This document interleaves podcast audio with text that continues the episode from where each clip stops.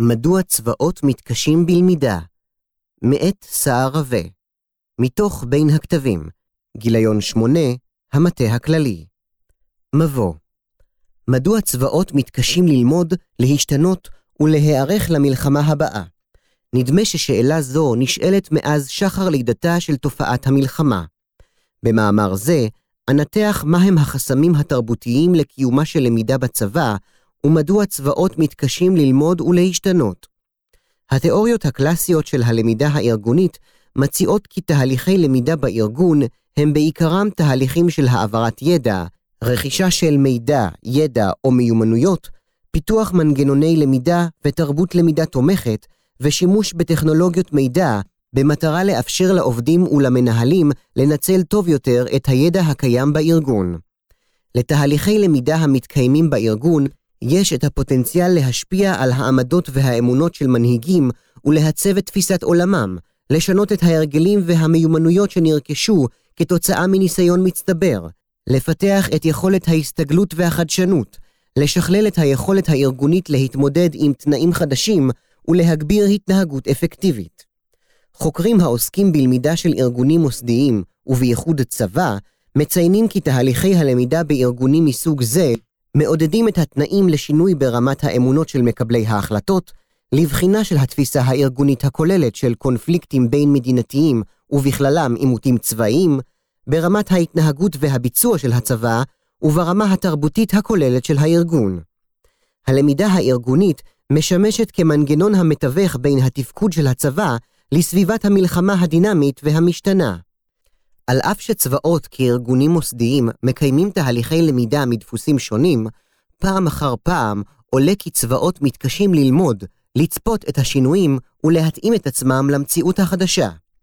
החוקרים כהן וגוץ' מבחינים בין שני סוגים של כישלונות.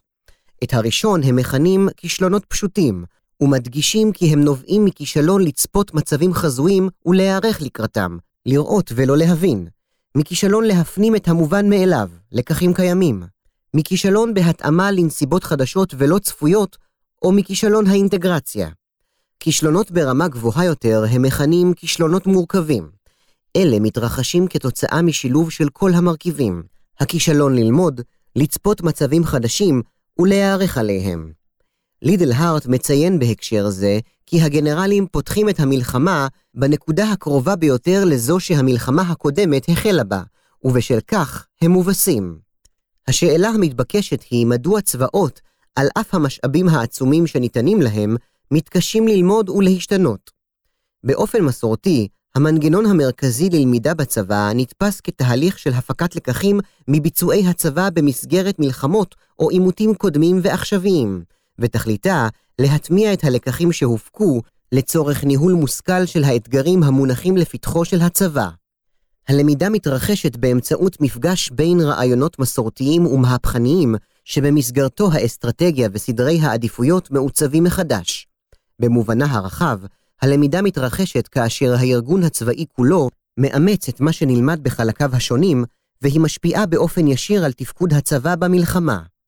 הייגנבוטם מצא כי יכולת הלמידה של הצבא האמריקני, שהייתה טובה מזו של הצבא הבריטי במלחמת העולם השנייה, קשורה הייתה לשלושת אלה.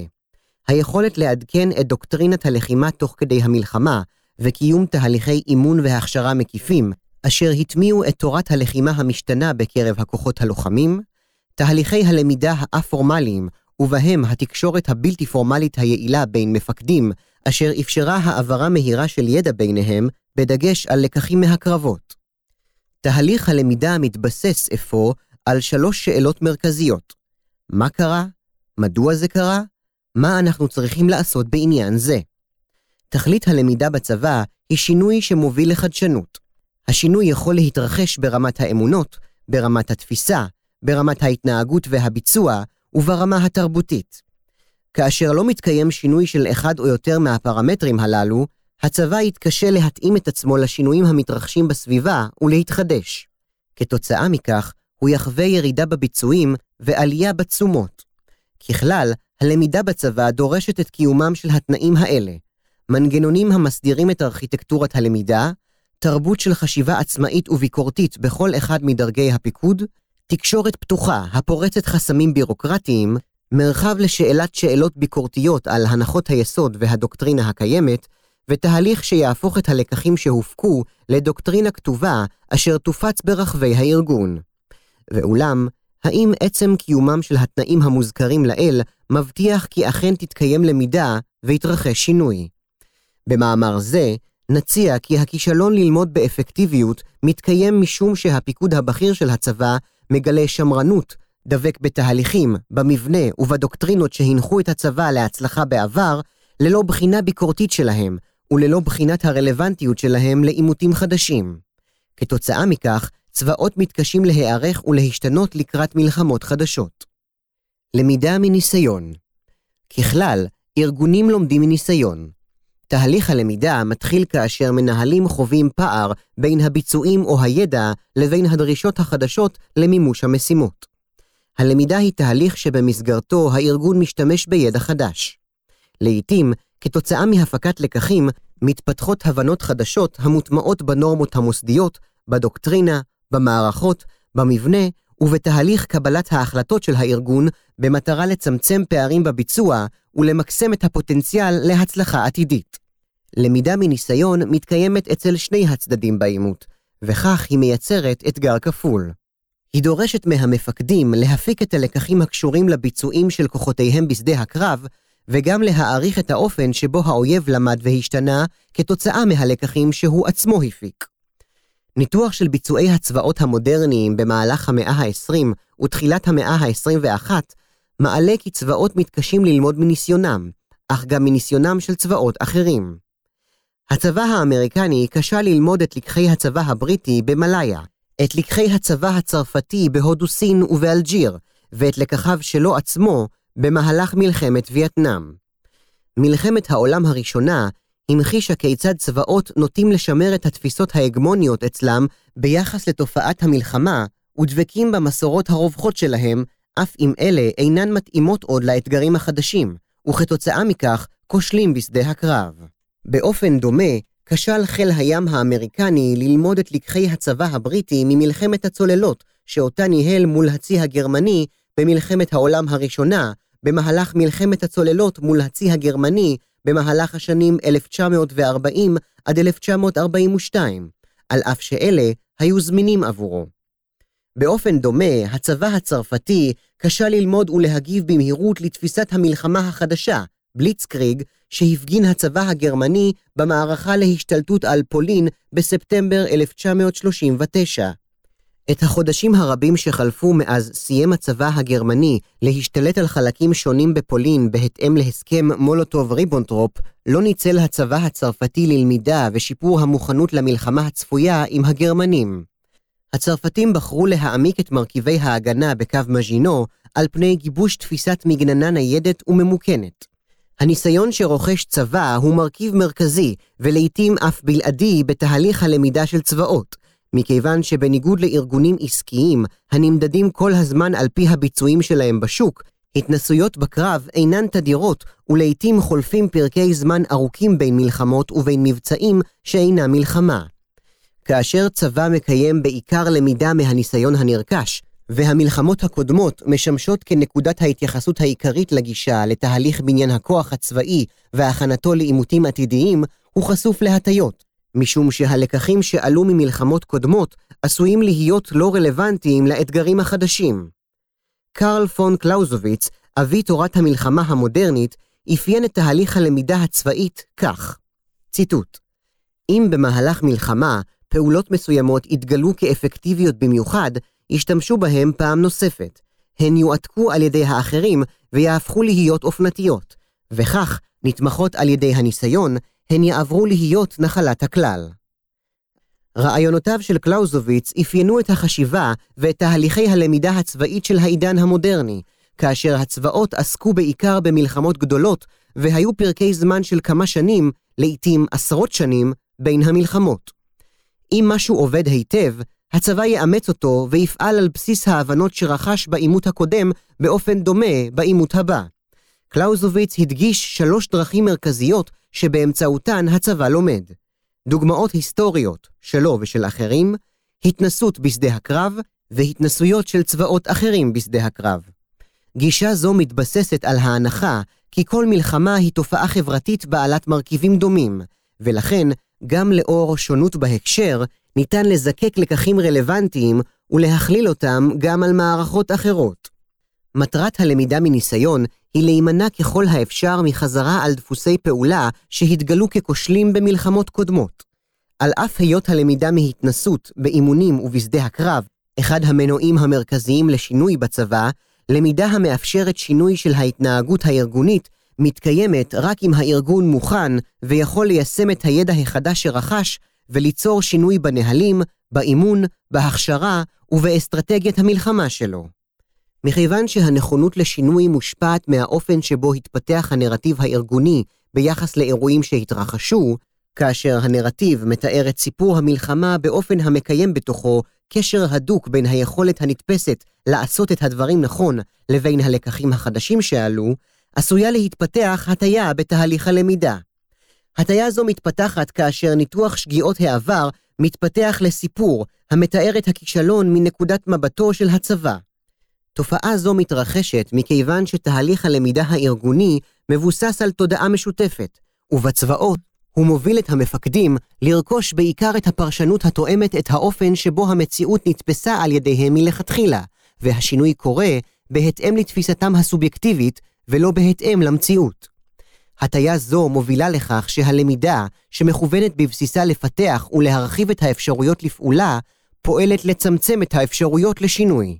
כתוצאה מכך, פעם אחר פעם, צבאות נוטים לחזור על שגיאות של מלחמות העבר, מכיוון שאינם מקדישים מספיק זמן ללמידה ביקורתית. הם נוטים לצייר לעצמם תמונה של מלחמה עתידית התואמת את ההנחות והתפיסות המוקדמות שלהם, וכאשר הם משתמשים בלקחי העבר, הרי זה רק כדי לתקף את ההנחות הקיימות אצלם. הטיה נוספת מתרחשת כאשר קצינים בצבא משתמשים באנלוגיות היסטוריות באופן לא שיטתי, מוטה וצר, תוך שהם תומכים את החלטותיהם בעיקר בידע שהתפתח מניסיונם האישי, או במקורות מידע מצומצמים, כדי להטמיע לקחים שהם תופסים כחשובים. הטיה זו קשורה לאמונה של מפקדים כי הצלחה במערכה אחת מבטיחה הצלחה גם במערכות עתידיות. אמונה זו גרמה לכשל בניהול הידע הצבאי החדש שהתפתח לאחר המערכה הארוכה במלאיה, ולהטמעתו באופן שגוי בדפוסי החשיבה של הפיקוד הבריטי. הלקחים שהופקו על ידי הצבא הבריטי במהלך המערכה במלאיה הוטמעו באופן שגוי וללא בחינה ביקורתית במערכות נוספות שניהל הצבא הבריטי במהלך שנות ה-50 וה-60, כמו בקפריסין, קניה, בצפון אירלנד ובמחוז עדן. למשל, אחד הלקחים המרכזיים מהמערכה במלאיה היה החשיבות שבקיום משטרה הוגנת, יעילה ונקייה משחיתות כדי לרכוש את אמונם של התושבים המקומיים ולהשיג את תמיכתם. מפקד הכוחות הבריטיים בקפריסין, פילד מרשל הרדינג, התבסס במערכה שניהל בקפריסין על משטרה מושחתת וברוטלית, אשר שירתו בה, בין היתר, איכרים קפריסאים ממוצא טורקי, והיו למקור לעוינות רבה של רוב האוכלוסייה, שהייתה ממוצא יווני, כלפי המשטרה המקומית. תפיסה זו הועילה מאוד למתקוממים היווניים במאבקם נגד הבריטים, עד שאלה נאלצו לאפשר לאי עצמאות בשנת 1960.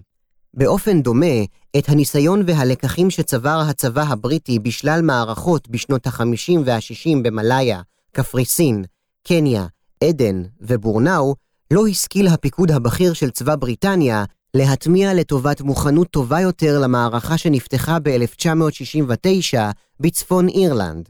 זאת על אף העובדה כי הלקחים הופקו ואף הוטמעו במסגרת הדוקטרינה הבריטית את פרסומם של Keeping the Peace ב-1963 ו-Counter-Revolutionary Warfare ב-1969. התפיסה הבסיסית של הפיקוד הבריטי לניהול עימותים לא השתנתה. הוא לא השכיל לתעל ידע שהופק לטובת ניהול המערכות נגד התקוממות שניהל במהלך שנות ה-60 ולהיערך טוב יותר למערכה החדשה שנפתחה ב-1969 בצפון אירלנד. גם כאשר הכוחות הלוחמים של צבא ארצות הברית השכילו פעמים רבות להתאים את עצמם לנסיבות המבצעיות בשדה הקרב, במהלך המערכה הצבאית, הצבא כמערכת כשל כישלון מוסדי בהטמעת הלקחים שעלו מהן. נוצר מצב שבו הכוחות הלוחמים נאלצו ללמוד כל פעם מחדש, גם כאשר נפגשו עם משימות שכוחות אחרים ביצעו בעבר והפיקו לקחים ביחס עליהן. תופעה זו התקיימה באופן בולט בעימות בווייטנאם, שבמהלכו הצבא האמריקני כשל בהטמעת לקחים שנלמדו לאורך תקופת העימות, ושלקחי הצבא הבריטי במלאיה והצבא הצרפתי בהודו סין ובאלג'יר, שנלמדו מספר שנים קודם לכן. כשל הלמידה מניסיון מתקיים גם כאשר לקחים חיוביים, כאלה שראוי לשמר אותם, שנלמדו בעימותים קודמים, מוטמעים באופן שאינו ביקורתי ואינו מותאם לעימותים חדשים. למשל, הכשל המרכזי של מעצבי המדיניות והביטחון האמריקניים לאחר מתקפת 11 בספטמבר 2001 היה קשור לכך שצבא ארצות הברית התבסס על דוקטרינה שעוצבה על ידי המרינס וכונתה Small Wars. זו התבססה באופן מוחלט על לקחי המעורבות האמריקנית במבצעים שאינם מלחמה במהלך שנות ה-80 וה-90, והייתה לא רלוונטית לעימותים החדשים בעיראק ובאפגניסטן. כתוצאה מכך, הצבא האמריקאי מצא את עצמו נטול דוקטרינה מתאימה לאתגרים החדשים, והחל לפתח במהירות דוקטרינה חדשה לכוחות שיצאו להילחם באפגניסטן ובעיראק. דוקטרינה זו נבנתה על בסיס לקחי מלחמות קטנות מעידן המלחמה הקרה, תיאוריות של מודרניות ופוסט-מודרניות, ולקחים היסטוריים של צבאות אחרים.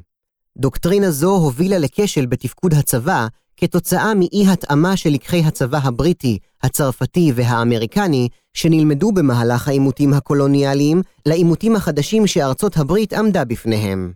אלו לא היו עוד עימותים הקשורים להתקוממות של עם נגד מדינה קולוניאליסטית השולטת בה, אלא מלחמה נגד התקוממות אתנית ודתית משולבת. הנטייה של צבאות לחפש רעיונות קיימים בעימותים ישנים, במקום לקיים תהליך למידה המסייע לאיתור ובחינה של רעיונות חדשים למציאות חדשה, גורמת להם פעם אחר פעם להילחם את המלחמה הקודמת. לעתים, כדי להשתחרר מכבלי הלמידה מניסיון, נדרשת החלפה של המנהיגות הצבאית הקיימת. הצבא הבריטי נחשב צבא עתיר ניסיון, ואף רשם כמה הצלחות בהתמודדות עם עימותים נמוכי עצימות עוד לפני מלחמת העולם השנייה. ניתן היה לצפות כי תהליכי הלמידה וההשתנות יהיו מהירים באופן יחסי, כאשר הוא נדרש להתמודד עם עימותים קולוניאליסטיים חדשים לאחר מלחמת העולם השנייה. על אף שלמערכה הבריטית במלאיה יש אתוס של הצלחה, בפועל, למפקדים בזירה לקח ארבע שנים מתחילת העימות להשתנות ולהתאים את האסטרטגיה הצבאית שלהם לאתגרים החדשים שהציבו בפניהם המתקוממים. בארבע השנים הראשונות, המפקדים הבריטים דבקו באותן תפיסות וטקטיקות שסייעו להם להצליח בשלבים המאוחרים של מלחמת העולם השנייה, וניהלו אסטרטגיית מלחמה כושלת שהייתה נטועה עמוק בתפיסות המבצעיות של מלחמת הג'ונגלים נגד היפנים. רק כניסתו של סר ג'רלד טמפלר לתפקיד של מפקד הכוחות הבריטיים במלאיה ב-1952 יצרה את התנאים לקיומה של למידה אסטרטגית, שהובילה לשינוי עמוק באסטרטגיית ניהול העימות הבריטית. שינוי זה הוביל להתפתחות גישה חדשה, שיש הרואים בה עד היום הגישה המועדפת לניהול עימותים מתמשכים בסביבה רוויית אוכלוסייה. הגישה נקראת הקרב על המוחות והלבבות. פוליטיקה ארגונית ולמידה חוסר נכונות של בכירים בצבא לאמץ לקחים שעלו במערכות קודמות, קשור באופן הדוק גם לפוליטיקה הארגונית הרווחת בצבא. זו מובילה לכך שתוצרי הלמידה הקיימים אינם מוטמעים, ויש נטייה להדחיקם. דוגמה לכך ניתן לראות במהלך ולאחר הנסיגה האמריקנית מווייטנאם, כאשר הצבא האמריקני נמנע מלעסוק בלקחי מלחמת וייטנאם ומשינוי הדוקטרינה, המבנה והארגונים. למעשה, על אף העובדה כי במהלך המלחמה פורסמו עבודות שהצביעו כי לחימה נגד התקוממות שונה באופן ניכר מלחימה נגד צבאות סדירים, העמיק הצבא האמריקני את העיסוק בהיערכות לקראת האיום הפוטנציאלי הסובייטי באירופה על חשבון היערכות טובה יותר למלחמה שהתרחשה בווייטנאם. גם לאחר סיום מלחמת וייטנאם, גישת מנהיגי הצבא הייתה כי יש להפסיק עם הבכי על הקרבות בווייטנאם. החלק המשמעותי שנצרב בתודעת הצבא האמריקני ביחס למלחמה זו, היה שהצבא יימנע בעתיד ככל שיהיה ביכולתו ממעורבות נוספת במלחמה מתמשכת נגד כוחות בלתי סדירים. אך המציאות החדשה טפחה על פניהם של הפוליטיקאים והמפקדים הבכירים בצבא האמריקני, כתוצאה מהתמוטטות ברית המועצות, ברית ורשה, ועליית העימותים החדשים בעיראק ובאפגניסטן.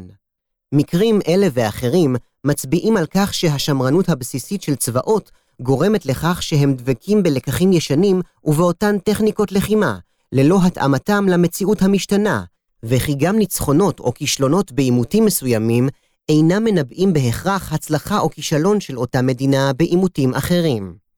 עדויות אלה מובילות למסקנה כי ההנחה הרווחת של למידה מהצלחות שקרו בעימות כלשהו, והעתקת תוצריה לעימות אחר תבטיח הצלחה, היא הנחה שהתוקף שלה מוגבל. חשוב להימנע מהכללות של לקחי מלחמות העבר באופן לא מבוקר, במיוחד בקרב הדרגים הבכירים, מפני שבכל פעם ההקשר האסטרטגי משתנה, והלקחים עשויים להיות בעלי תוקף נמוך ביחס למציאות החדשה. החשיבות הרבה שהמוסדות הצבאיים מייחסים להיסטוריה מובילה לכך שהם פועלים באופן שיטתי במטרה לנתח את הלקחים שעלו ממערכות קודמות, לשלב אותם עם הבנות חדשות על הסביבה ולהטמיע אותם בקרב כוחות הצבא. שינוי שמהותו בתהליכי למידה ולמידה אסטרטגית ניתן לאפיין גם דרך המושגים התאמה וחדשנות. פרל מבחין בין שני מצבים בסיסיים הקשורים ללמידה כתהליך של שינוי. האחד, שינוי כהתאמה של הארגון לסביבה על בסיס היכולות הקיימות, שתוביל לשינויים מסדר ראשון. השני, שינוי כיצירת חדשנות המאפשרת התמודדות אחרת עם האתגרים הקיימים ומובילה לשינויים מסדר שני ושלישי.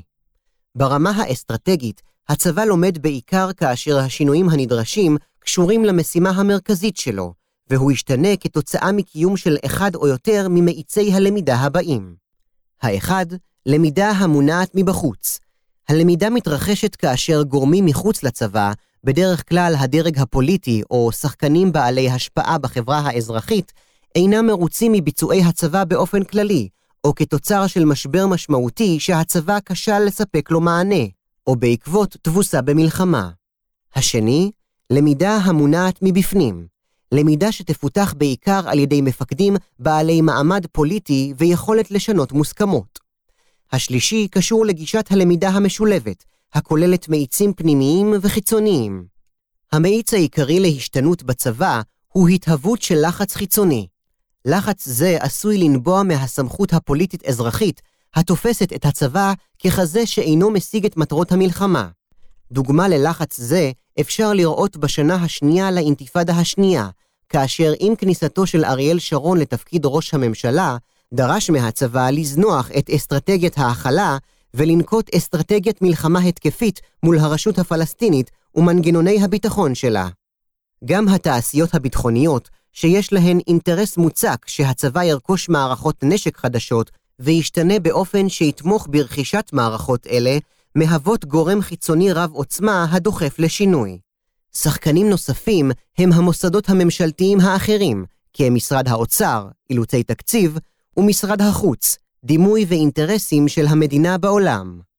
הגורם הרביעי המפעיל לחץ חיצוני עשוי להיות החברה האזרחית, לרבות מוסדות כבית המשפט העליון, תנועות חוץ פרלמנטריות כמו ארבע אמהות או נשים בשחור, ועמותות אחרות מסוגים רבים.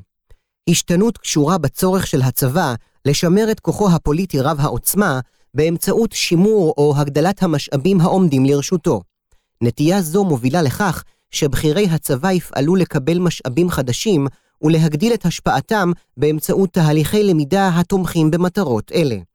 למשל, צה"ל, אשר הופקד על ההגנה על העורף, קיים תהליכי למידה, גיבש דוקטרינה חדשה להגנה על העורף, הקים פיקוד מרחבי ויחידות ייעודיות בסדיר ובמילואים, ורכש מערכות ואמצעים טכנולוגיים חדשים כדי לשמר ואף להגדיל את המשאבים הניתנים לו מאת הדרג המדיני בזמנים של שלום או בין מלחמות.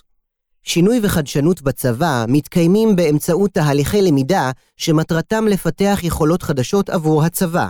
תכליתם לקיים היערכות גבוהה יותר לקראת עימותים עתידיים.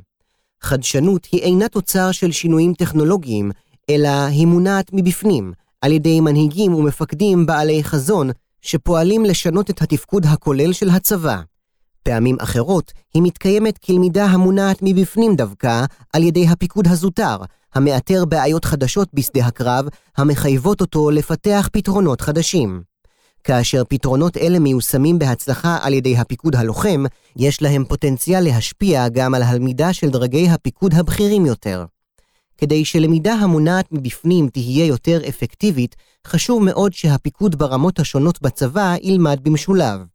בשלבים הראשונים של המלחמה, הלמידה והחדשנות מתקיימים באמצעות למידה מתוך התאמה של הפיקוד הטקטי לשינויים המתרחשים בשדה הקרב.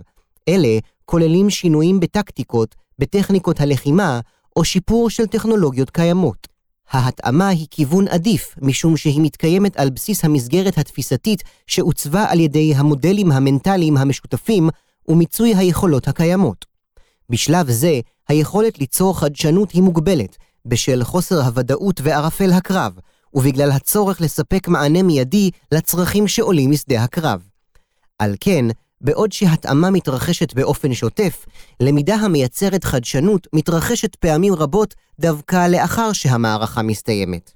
התאמה עשויה להוביל לחדשנות כאשר טכניקות וטקטיקות לחימה חדשות מתמסדות במסגרת הדוקטרינה, או כאשר השיפורים וההתאמות הטכנולוגיות מובילים לפיתוח של טכנולוגיה חדשה.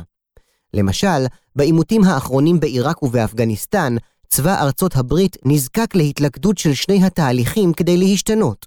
מנהיגות צעירה שעבדה בשטח לפתרון בעיות מיידיות, שמוסדות הצבא כשלו לחזות ולמצוא להם פתרונות מתאימים, משולבת ביצירת מרחב לחשיבה ביקורתית מצד קצינים בכירים ביחס לדוקטרינה ולאסטרטגיה הצבאית. לכל אחד מהתהליכים הללו בנפרד לא הייתה העוצמה המספקת ליצור את השינוי הנדרש. רק כאשר שני הכוחות פעלו במשולב, הם הצליחו להניע את השינוי. תוצרי הלחימה עלו לדרגים הצבאיים הבכירים ביותר ואף לדרג המדיני, ונוצרה הזדמנות לחדשנות.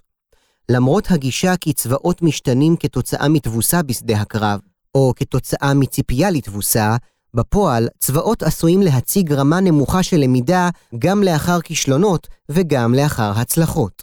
אחת הדוגמאות הבולטות לכך היא תהליכי הלמידה והחדשנות שהצבא הגרמני והצרפתי קיימו לאחר מלחמת העולם הראשונה. שני הצבאות למדו את הלקחים של מלחמת העולם הראשונה, ואילו רק הצבא הגרמני הפיק לקחים והשתנה. מכאן שעצם חוויית הכישלון כשלעצמה אינה מבטיחה כי בהכרח תתרחש למידה. אלה המדגישים כי צבא אינו לומד מהצלחות, אלא שהן אף מעודדות אותו לשמר את אותן תפיסות שהובילו להצלחה, יציגו את צה"ל לאחר מלחמת ששת הימים. צה"ל, שחווה הכרעה צבאית מזהירה אל מול צבאות ערב, שימר ואף חיזק את מרכיבי ההכרעה ועליונות השריון וחיל האוויר בבניין הכוח ובדוקטרינה שלו. פגיעים בתפיסה זו עלו כבר במהלך מלחמת ההתשה, ומכיוון שצה"ל דבק בתפיסותיו השמרניות, הוא ספג מכה קשה בשלבים הראשונים של מלחמת יום הכיפורים, שש שנים לאחר שחווה ניצחון מסחרר. לסיכום סקירת הכשלים בלמידה של צבאות, אפשר לומר כי המשתנים הבאים מסבירים את הקושי של צבאות ללמוד ולהשתנות. התיאוריה הארגונית, פוליטיקה ובירוקרטיה, תרבות ומודלים מנטליים. חוקרים ותיאורטיקנים שונים מציגים את הארגון הצבאי כארגון שמרן המתנגד לשינויים עמוקים, בעיקר בכל הקשור לשינוי הדוקטרינה והתפיסות המבצעיות שלו. כתוצאה מכך, השינוי מונע באיחור, ורק לאחר שהדוקטרינה הקיימת לא מסוגלת לספק עוד מענה לאיומים חדשים שהתפתחו.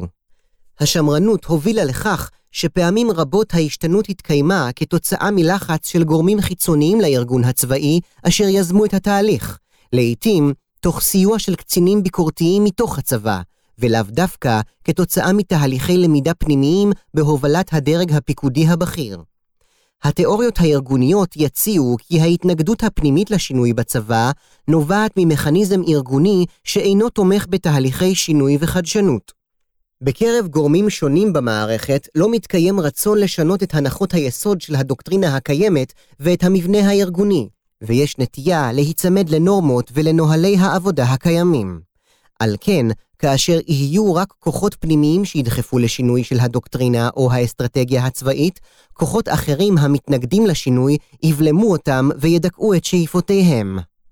צבא יכול להיות חדשן בתחומים מסוימים, טכנולוגיה למשל, ושמרן גמור בתחומים אחרים. כתוצאה מכך, גם כאשר הצבא נמצא תחת לחץ בלתי פוסק לשינוי, התרבות הארגונית שלו עשויה לבלום למידה והפקת לקחים ולהציג את המדיניות הקיימת כהצלחה שלמה. הדוגלים בלמידה המונעת על ידי הכוחות הפנימיים כמנוע עיקרי לשינוי, יצביעו על כך שגם כאשר הבעיות בתפקוד הצבא עולות אל פני השטח, המנהיגות האזרחית אינה מצליחה לשנות את הצבא. בהתאם לכך, מתעצם תפקיד המנהיגות הצבאית במטה, ועולה חשיבות קיום תהליכי למידה פנימיים. גורם מרכזי נוסף המעכב למידה אסטרטגית הוא הפוליטיקה הארגונית. הפיקוד הבכיר בצבא פועל לשמר את התפיסה הרווחת ביחס לייעוד, למטרות וליכולות של הארגון הצבאי. משימות שאינן תואמות את המודלים המנטליים והשאיפות של הפיקוד הבכיר יידחו או יקבלו חשיבות מופחתת, אלא אם הן מסייעות להגדיל את החשיבות והדומיננטיות של הצבא ומסייעות בידי המפקדים לגייס משאבים לשימור מעמדו. התרבות מהווה גם היא מרכיב מרכזי ביכולת של הצבא ללמוד ולהשתנות. דפוסי תרבות מסוימים יעודדו השתנות במקום אחד ויבלמו השתנות במקום אחר. מכיוון שהתרבות הארגונית משפיעה על התפתחותם של המודלים המנטליים המשותפים של חברי הארגון, התנגדות לשינוי עשויה להתרחש כאשר מקבלי החלטות מחזיקים באמונות חזקות ביחס למציאות, עד שהם מתעלמים ממידע חדש או מעוותים אותו. כאשר חברי הארגון תופסים את השינוי כעוין את השקפת העולם הרווחת בארגון, הם מאמצים התנהגות הגנתית כדי למנוע מהארגון מבוכה או איום.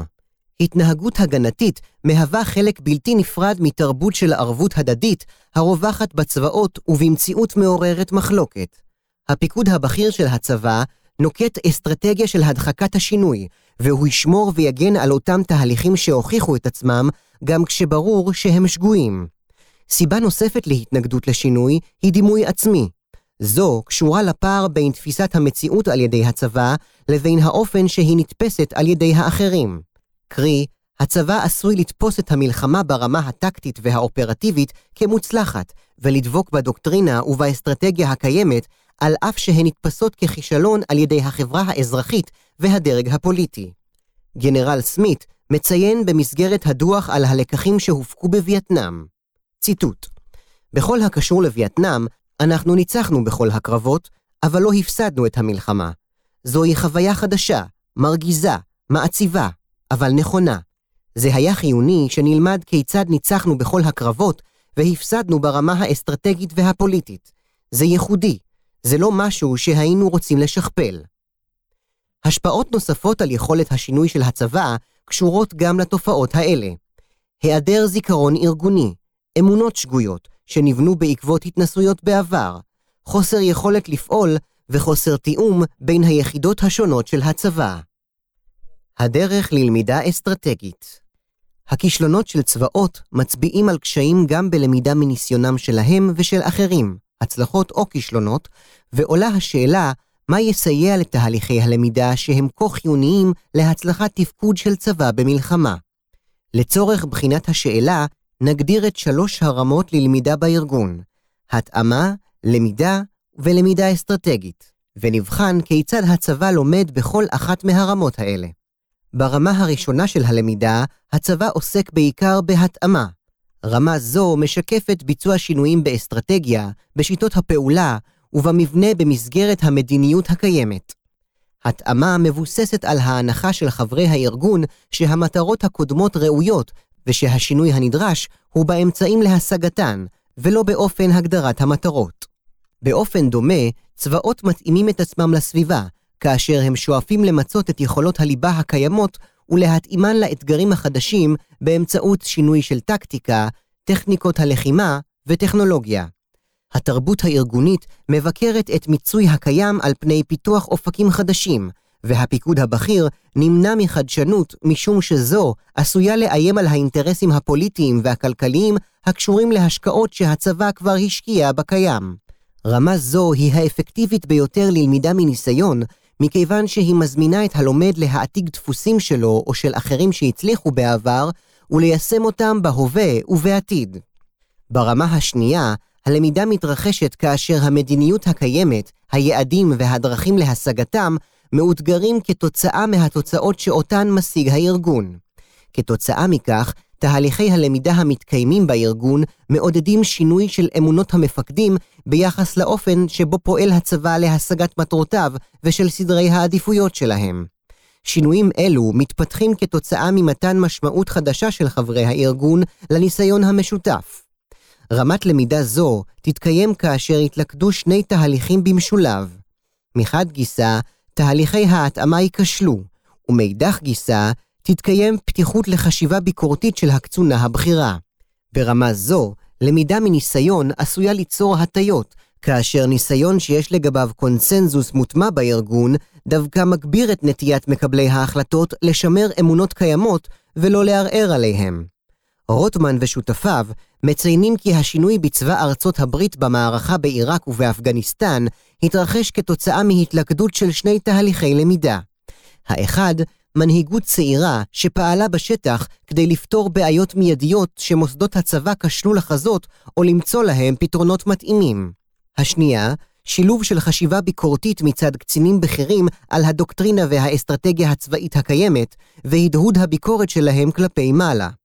כל אחד מתהליכים אלה לא היה בעל עוצמה מספקת כדי ליצור את השינוי הנדרש, אלא הפעולה של שני הכוחות במשולב הניעה את השינוי. הרמה השלישית של הלמידה היא הלמידה האסטרטגית. למידה זו מתקיימת כאשר המפקדים בצבא משנים גם את תפיסת העולם שלהם ביחס לסביבה, ביחס ליריבים וביחס ליכולותיו המבצעיות של הצבא, וגם את האופן שבו יש לפעול ליצירת השינוי הנדרש.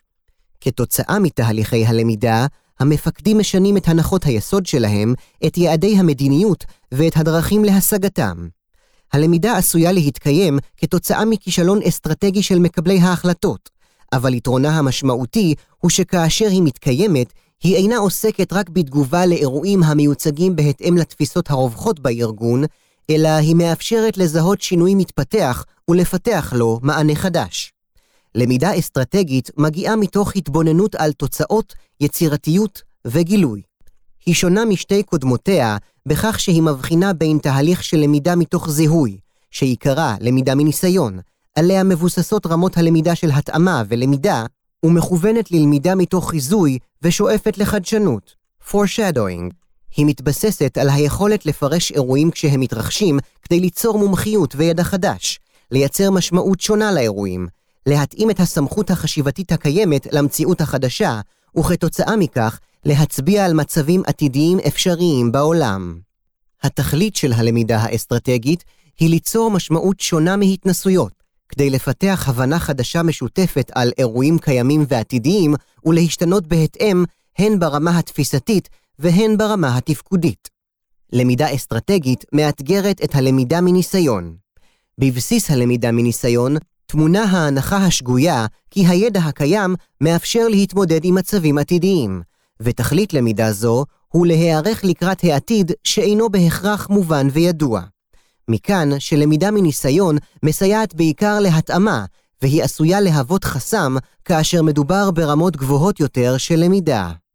למידה מניסיון עשויה אף להוות חסם ללמידה ברמה גבוהה, ולכן יש לבחון מהו המנגנון המשמר דפוס למידה זה לצד הלמידה האסטרטגית.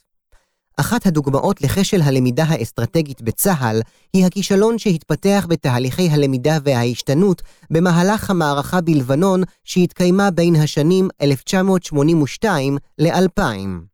בין השנים 1982 ל-1985 ערך צה"ל כמה נסיגות בתוך השטח הלבנוני עד שנערך על קו הגנה לאורך נהר הליטני. במהלך שנות ה-90 ביסס ארגון חיזבאללה את שליטתו במרחב דרום לבנון, ובהדרגה צמצם את יכולתו של צה"ל לפעול במרחב הקרקעי, עד שהיעדר הלגיטימציה בחברה הישראלית להמשך הנוכחות בלבנון, הוביל את ממשלת ישראל להורות לצבא להיערך מחדש להגנה על צפון מדינת ישראל לאורך הגבול הבינלאומי של ישראל. מרגע שצה"ל התייצב להגנה על צפון מדינת ישראל על קו הגבול, הוא החל לראות בכוח האווירי את המענה למגבלות התמרון, והופעל כמענה מוביל גם בעימותים הבאים בלבנון ובעזה. את הנטייה הקיימת בצה"ל להילחם על בסיס האסטרטגיה של המלחמה האחרונה, מתאר שלח בהתייחסו לביצועי צה"ל במהלך מבצע צוק איתן. ציטוט: הלחימה עצמה התנהלה באופן הצפוי, הכבד והמסורבל ביותר. כמו בכל הסבבים הקודמים, פתח צה"ל במהלומה אווירית, הפעם ללא הישגים סמליים כמו חיסול ג'אברי. המתקפה הביאה לידי ביטוי מלא את העליונות המוחלטת של צה"ל בפלטפורמות ובנשק מדויק, אבל גם את כל המגבלות של שיטת הפעולה. אין לה כל אפקט משמעותי על אויב מחופר, המתחבא בקרב אוכלוסייה אזרחית וחושף כמות עצומה של מטרות, שערך כל אחת מהן מפוקפק לכשעצמו, ואין בפגיעה בהן, אפילו אם היא מצטברת, כדי לשתק אותו או לשנות את כוונותיו. שלח מדגיש כי באופן מקומם במיוחד, במהלך מבצע צוק איתן, הייתה חזרה על כל הכשלים שמנו גופי החקירה השונים במלחמת לבנון השנייה. סיכום כמובן, יש מגבלות למידה שבה הצבא מוכן לשנות את עצמו, את התרבות הארגונית שלו ואת סדרי העדיפויות של האליטות שלו. על אף הצורך בהשתנות מתמדת, צבאות ממעטים להשתנות. הם דבקים בתפיסות ההגמוניות שלהם ביחס לתופעת המלחמה, ודבקים במסורות הדוקטריניות שלהם, אף אם אלה אינן מתאימות עוד לאתגרים בשדה הקרב. ארגונים צבאיים משתנים כך בשלב הראשון, הם מתאימים את עצמם לסביבה ופועלים למיצוי יכולות הליבה הקיימות, משפרים או משנים טקטיקה, טכניקות לחימה וטכנולוגיה. כלומר, מתאימים את הקיים לאתגרים החדשים. בשלב זה, כתוצאה מהאופן שבו החדשנות נתפסת פעמים רבות, כמאיימת על האינטרסים הפוליטיים והכלכליים הקשורים להשקעות שהצבא כבר השקיע בקיים, התרבות הארגונית מעודדת את מיצוי הקיים על פני פיתוח של אופקים חדשים. בשלב השני, תהליך הגילוי מקבל את העדיפות, והמנהלים חוקרים ומפתחים יכולות חדשות באמצעות פיתוח כיווני פעולה חדשים. כאשר החקירה ממצה את עצמה, היא מובילה לחדשנות ולשינוי של הדוקטרינה, המבנה או הטכנולוגיה. ככל שמשך הלחימה ארוך יותר, כך הצורך בחדשנות גובר, והוא יבוא לידי ביטוי בהגדרה מחודשת של המטרות האסטרטגיות ובתכנון מחודש של המבצעים הצבאיים. אפשר להצביע על המשתנים הבאים כעל המשפיעים העיקריים על יכולת ההשתנות של הצבא. 1. הצורך בשילוב מאמצים של המנהיגות האזרחית והצבאית כדי לחולל שינוי בצבא. 2. החיוניות של קיום תהליכי למידה פנימיים וחיצוניים משולבים כדי שתתקיים חדשנות.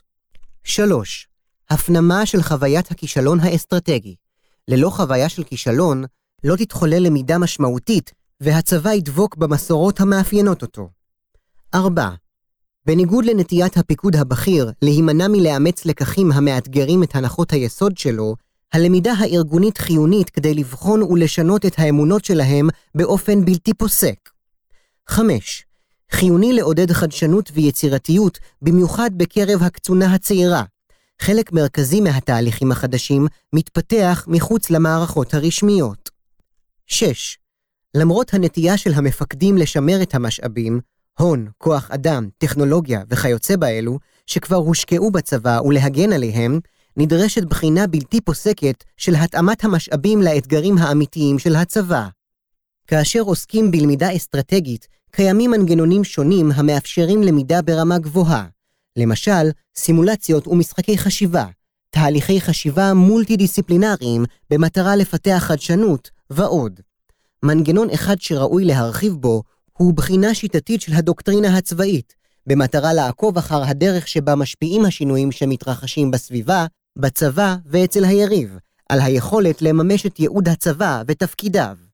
בחינה מסוג זה וחקירה שוטפת של ההגיונות הרווחים במערכת הצבאית מתוך כוונה לבחון את תקפותה, יסייעו להבין טוב יותר את ההטיות בבסיס החשיבה והפעולה של הצבא. חלק מהבחינה הדוקטרינית יתבצע גם למטרת בחינה שיטתית של התוכניות האופרטיביות בגזרות הפעולה השונות והתאמתן לאתגרים הקיימים והמתהווים. לסיכום, למידה המובילה לחדשנות היא היכולת הבסיסית של צבאות להימנע מלהילחם את המלחמה הקודמת. כל מנגנוני הלמידה חיוניים להצלחת הפיקוד הצבאי ללמוד ברמה גבוהה ולהימנע מכשלים שניתן היה לאתר ולמנוע מבעוד מועד.